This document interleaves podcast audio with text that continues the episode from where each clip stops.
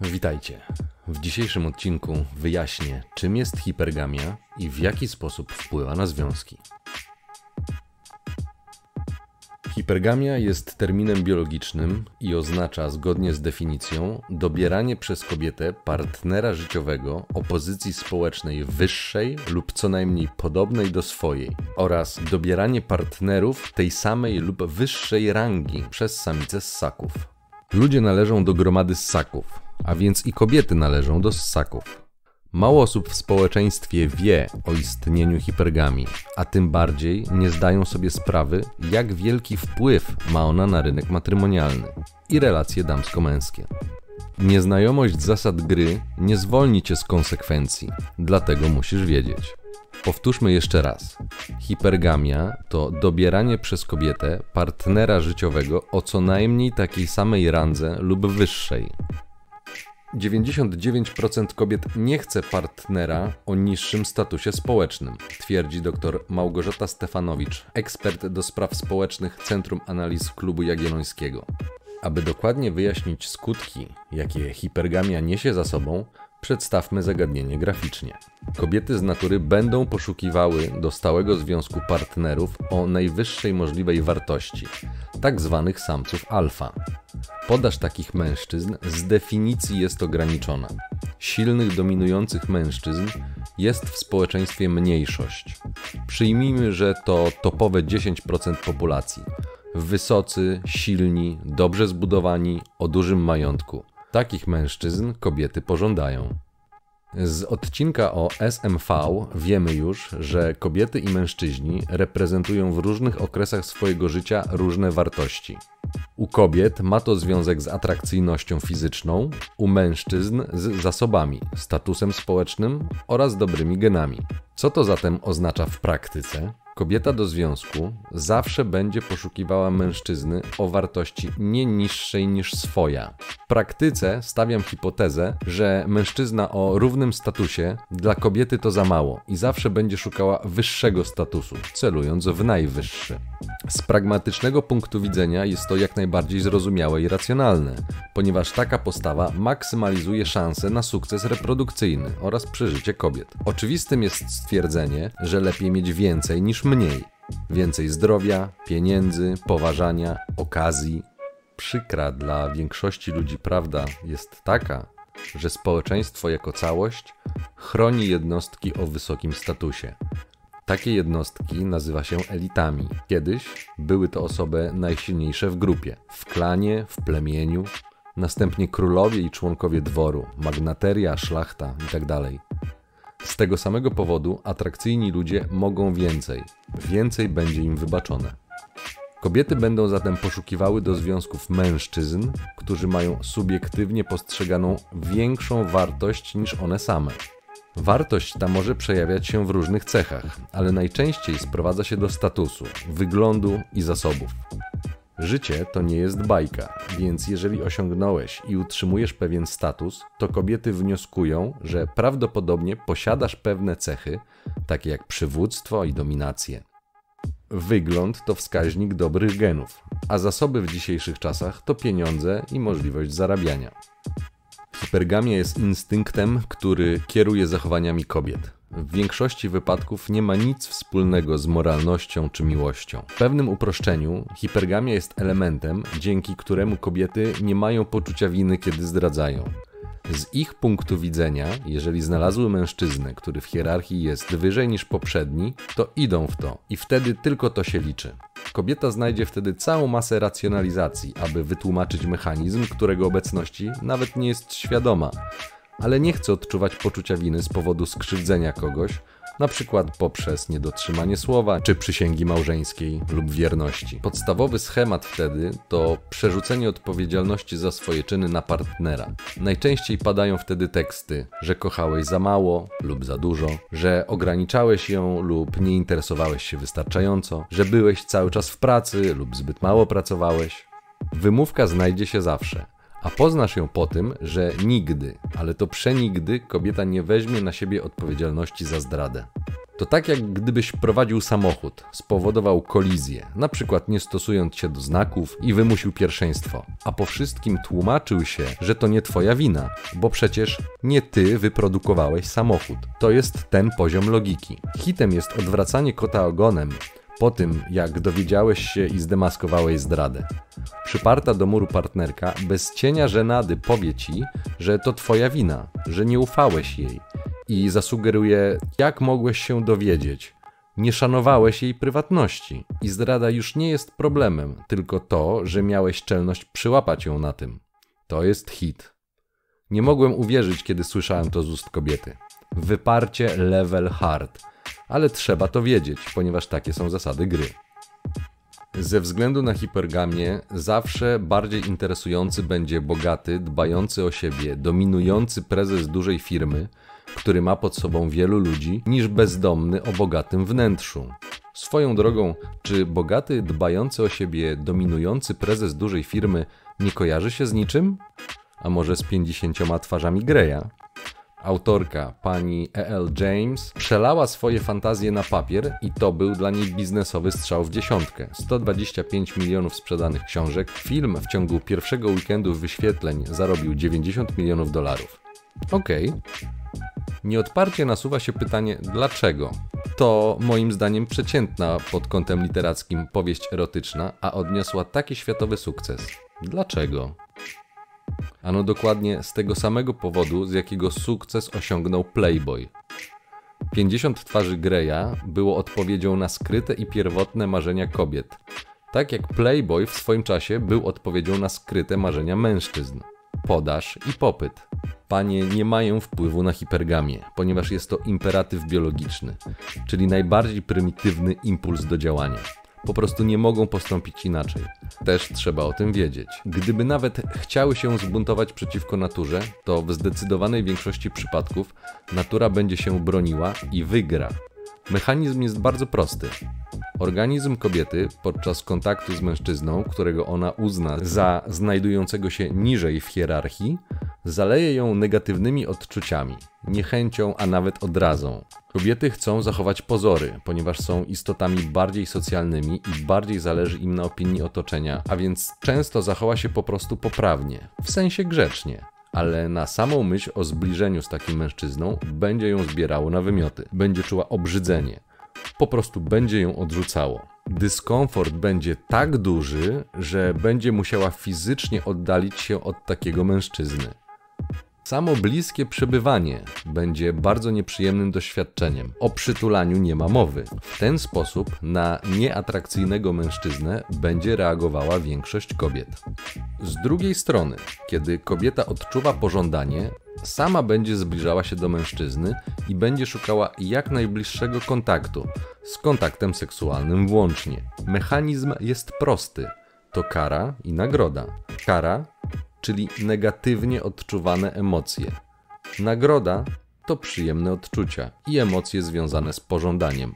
Ewolucja w ten sposób steruje działaniem ludzi. Na tym mechanizmie bazuje cała sztuka uwodzenia. Na tym, aby osoba uwodzona poczuła się przyjemnie.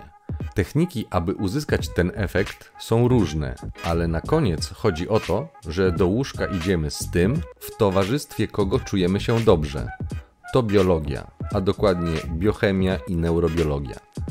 Czyli jak wpłynąć na drugą osobę, aby uznała cię za atrakcyjnego.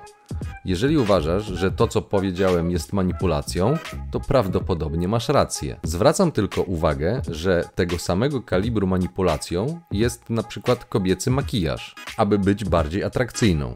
Noszenie szpilek, aby nogi były dłuższe, czyli proporcje ciała wizualnie wyglądały korzystniej tym samym są push-upy i operacje plastyczne powiększające biust.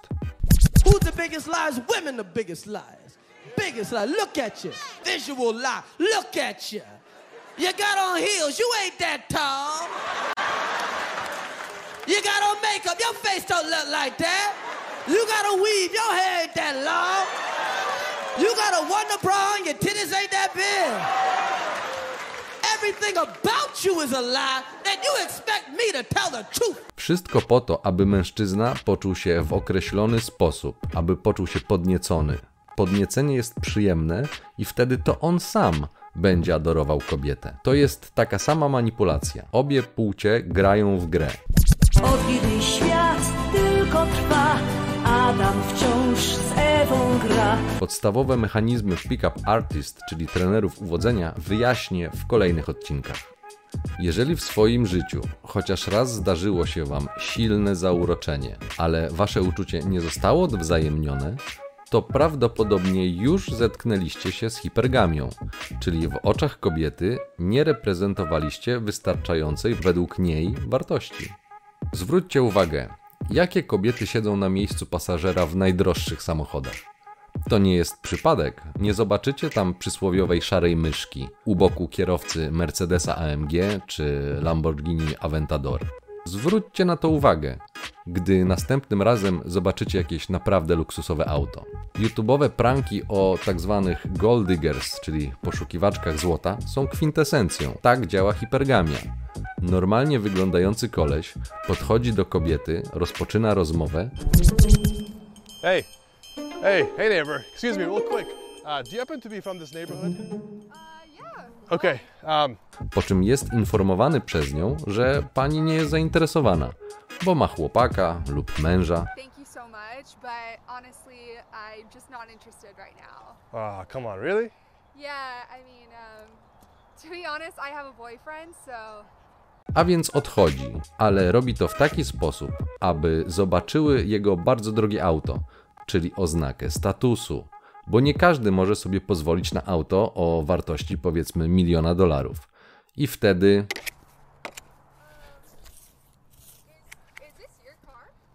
Uh, this is my car. Yeah. Really? Yeah. Uh, Why? wow. I mean, Why do you sound so so surprised? I mean, I thought you were a gardener, so I didn't know that you had like. Oh my gosh. Yeah. Sorry, I thought you were kind of a weirdo over there, but like, now that Oh. I know that you're normal, I guess. I think that you're really cute, and I really Oh. like your car, and I Thank just you. think Just that. don't lean on the car too Oh, much. You okay. might scratch Sorry it. Yeah. so. oh yeah, I would love. zmiana podejścia o 180 stopni. Nagle są zainteresowane. Kawa, przejażdżka, randka, nie ma problemu.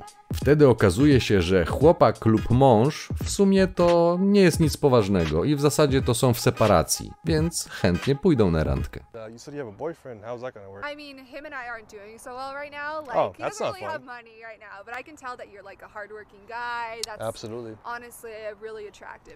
Oto przedstawiam Wam hipergamię w pełnej okazałości. Błędem jest obrażanie się na kobiety za to, jaką mają naturę. Trzeba ją zrozumieć i grać zgodnie z jej zasadami. Większość kobiet zachowuje się hipergamicznie, nawet jeżeli nie jest tego świadoma. Statystyki pokazują, że większość rozwodów jest inicjowana przez kobiety. A główną przyczyną nie jest wcale zdrada, a mityczna niezgodność charakterów. Cytat z raportu.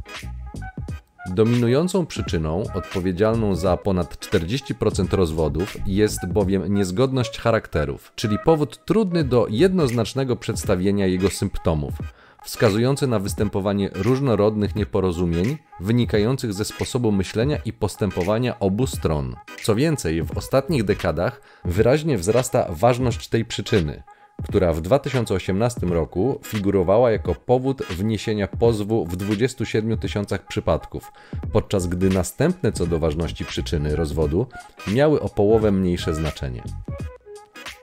Jak w takim razie wytłumaczyć tą niezgodność charakterów? Małżonkowie brali ślub po pijaku w Las Vegas, znając się kilka godzin? W okresie narzeczeństwa charaktery były zgodne, a po ślubie już przestały być zgodne? Nie do końca. Znaczenie ma tutaj hipergamia. Mężczyźni w związkach małżeńskich stracili męskie atrybuty, podporządkowali się swoim małżonkom. A co oznacza, że się podporządkowali? Ano to, że przestali być postrzegani jako ci z większą wartością, a wtedy kobiety automatycznie przestały ich szanować, co spowodowało, że zaczęły się wszelkiego rodzaju problemy. Tak właśnie objawia się hipergamia w małżeństwach. Jeżeli stracisz męskie atrybuty, stracisz też kobietę. Hipergamia powoduje, że większość kobiet szuka lepszych mężczyzn. nawet po ślubie. A ponieważ często błędnie rozpoznają swoją wartość na rynku matrymonialnym, tłumaczę to w odcinku o SMV, to podejmują często złe dla siebie decyzje. Później, po rozwodzie, okazuje się, że jednak nie mają takiego wzięcia na rynku, jak się spodziewały, i mamy dramat. Można sobie bez trudu wyobrazić, że gdyby hipergamia nie działała, to rozwody zdarzałyby się rzeczywiście w sytuacjach ewidentnego złego traktowania, a kobiety nie lgnęłyby tak do bedboyów, a przecież każda kobieta wie, że łobuz kocha najbardziej. Dopiero gdy łobuz kopnie w cztery litery taką kobietę, następuje chwila refleksji, ale zazwyczaj to tylko chwila i schemat powtarza się. Trzeba to zrozumieć, ponieważ takie są zasady gry, nie ma innych. To jest paradoksalnie kobiecy dramat i źródło podniet. Bedboje, czyli źli chłopcy, zachowują się w taki sposób, że prezentują sobą postawę samca alfa. Nie szanują kobiet, nie zabiegają o ich względy, nie podporządkowują się, nie poświęcają im swojej uwagi za darmo. Mają wybór, przez co są niezależni i silni. Kobiety lecą na takich gości jak ćmy do światła. Problem w tym, że prawie każdy zachowujący się w ten sposób mężczyzna zacznie mieć powodzenie u kobiet. Nie u wszystkich, ale ta ilość przekroczy najśmielsze oczekiwania. Jeżeli zacznie mieć powodzenie u kobiet, to zacznie mieć wybór. Gdy będzie miał wybór, to on będzie siłą rzeczy naturalnie odrzucał zaloty kobiet, które nie będą atrakcyjne. Dlaczego? Bo może, bo ma wybór. Będzie łamał ich serca, nie przywiązując do tego większej uwagi, dlatego że wie, że zaraz, jeśli nie ta, to będzie następna. Właśnie na tym polega dramat. Kobiety najbardziej pożądają mężczyzn, których nie mogą mieć lub nie mogą kontrolować. Zresztą nie tylko kobiety. Ogólnie ludzie zazwyczaj bardziej pożądają tego, czego nie mogą mieć. Nim zrozumiesz to na dobre, że najbardziej pragniesz tego, czego nie możesz mieć. Pożądanie uruchamia u kobiet popęd, a zabawy z bedbojem często kończą się samotnym macierzyństwem. Wczoraj byłaś młodą misji Jesteś młodą mamą, dziś nic nie Zdziwi mnie, właściwie nie Kumam takich jak twój koleś, który całe życie chce spędzić pod monopolem Bo kobieta nie ma narzędzi, aby zmusić takiego bedboja do pozostania w monogamicznym, stałym związku. Zresztą, gdyby zmusiła, to automatycznie przestałby być bedbojem i przestałaby go pożądać. Kobieta jest strażniczką przyjemności, mężczyzna strażnikiem relacji. Pamiętajcie o tym.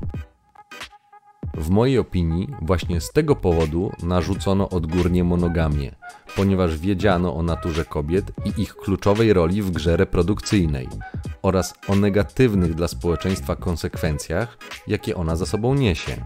Skutki społeczne są zdecydowanie głębsze niż jak mogłoby się tylko wydawać cierpienie i złamane serca.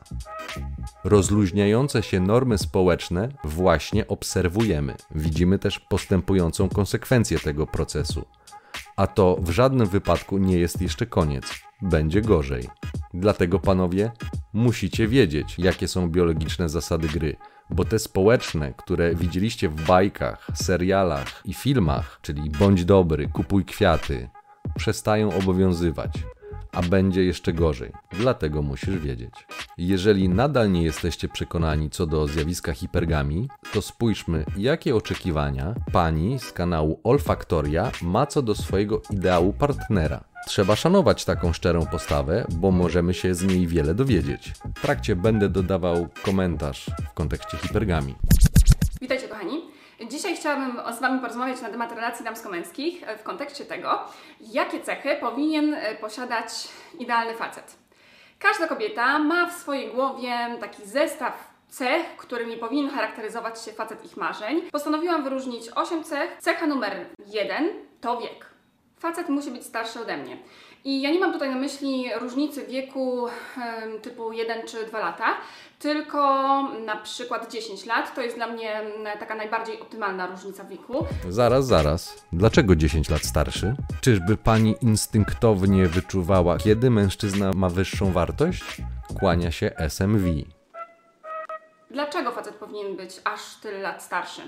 Dlatego, że po pierwsze, faceci o wiele później e, dojrzewają niż my, w związku z czym e, ta różnica wydaje się być uzasadniona. Mój idealny facet powinien być również ambitny, czyli zorientowany na cel i sukces i na to, żeby w życiu się rozwijać. Z wiadomych względów e, wszyscy przedstawiciele mm, takiego osobliwego zawodu, jakim jest zawód syn, odpadają w przedbiegach. Jeżeli sami się tych pieniędzy nie dorobili, to jakby nie są warci mojej uwagi. Kolejna cecha idealnego faceta to przedsiębiorczość. Z tego względu y, nie interesują mnie faceci, którzy pracują na etat, pracują u kogoś albo dla kogoś.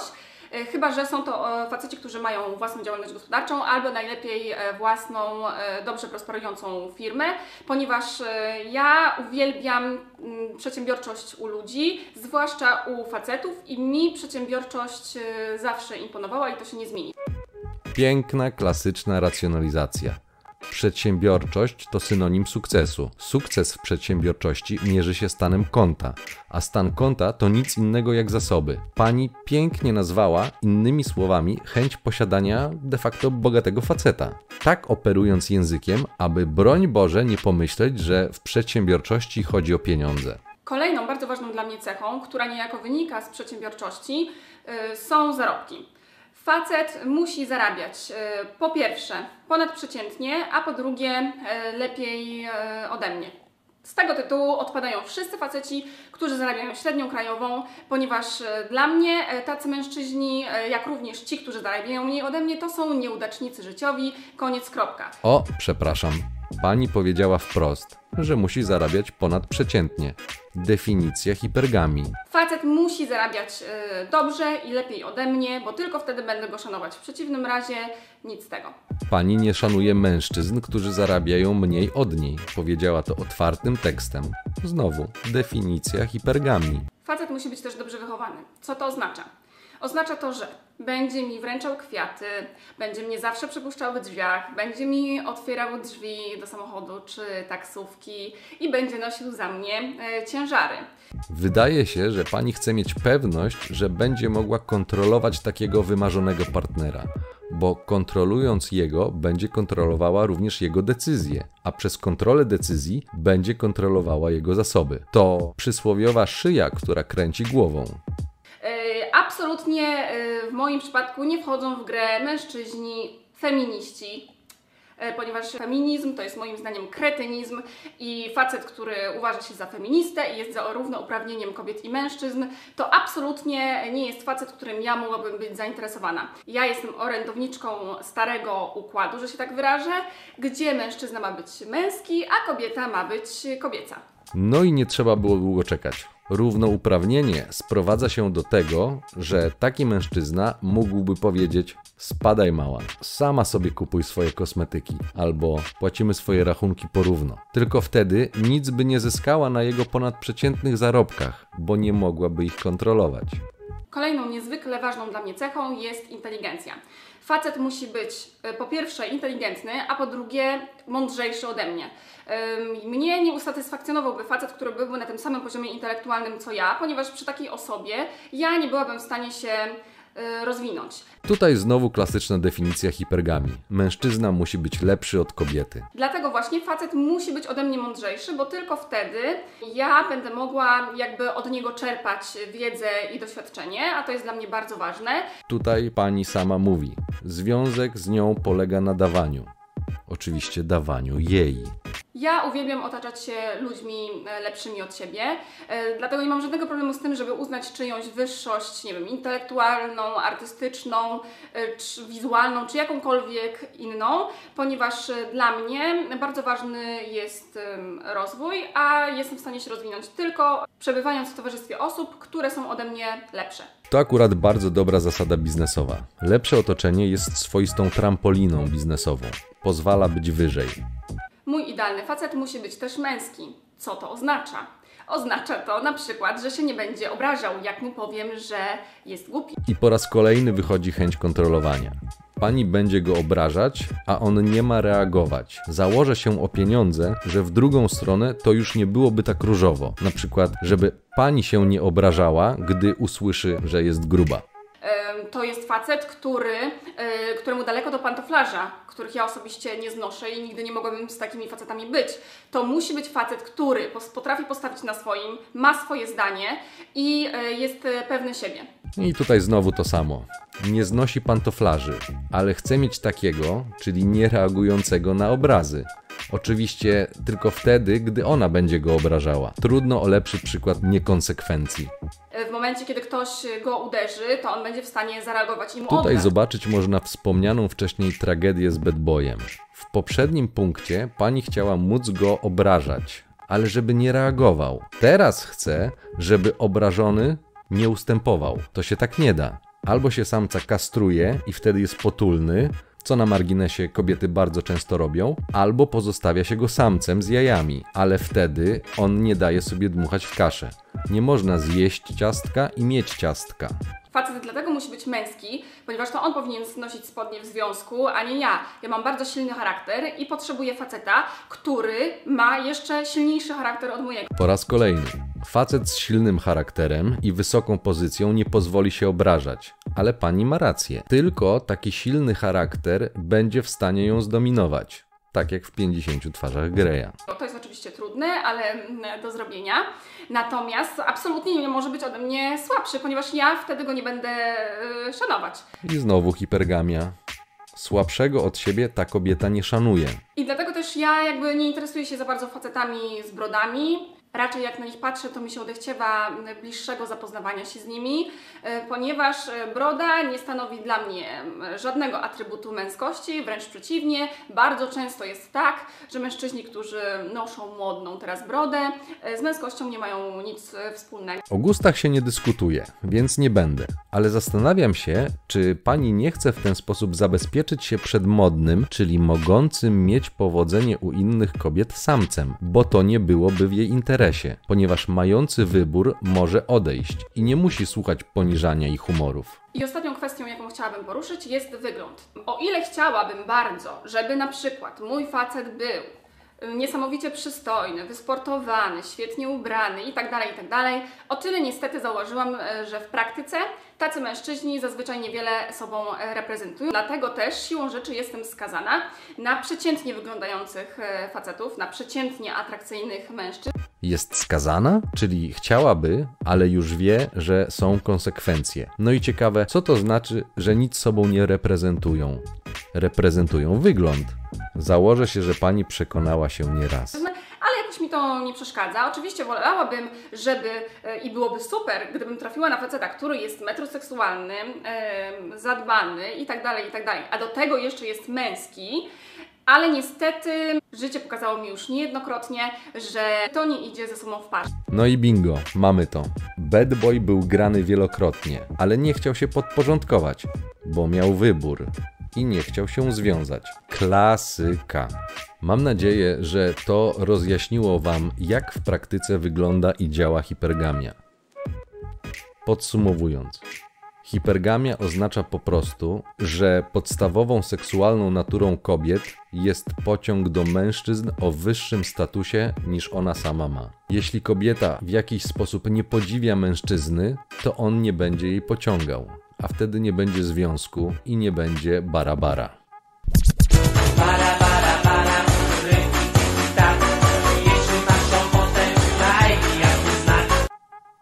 Ciąg dalszy nastąpi.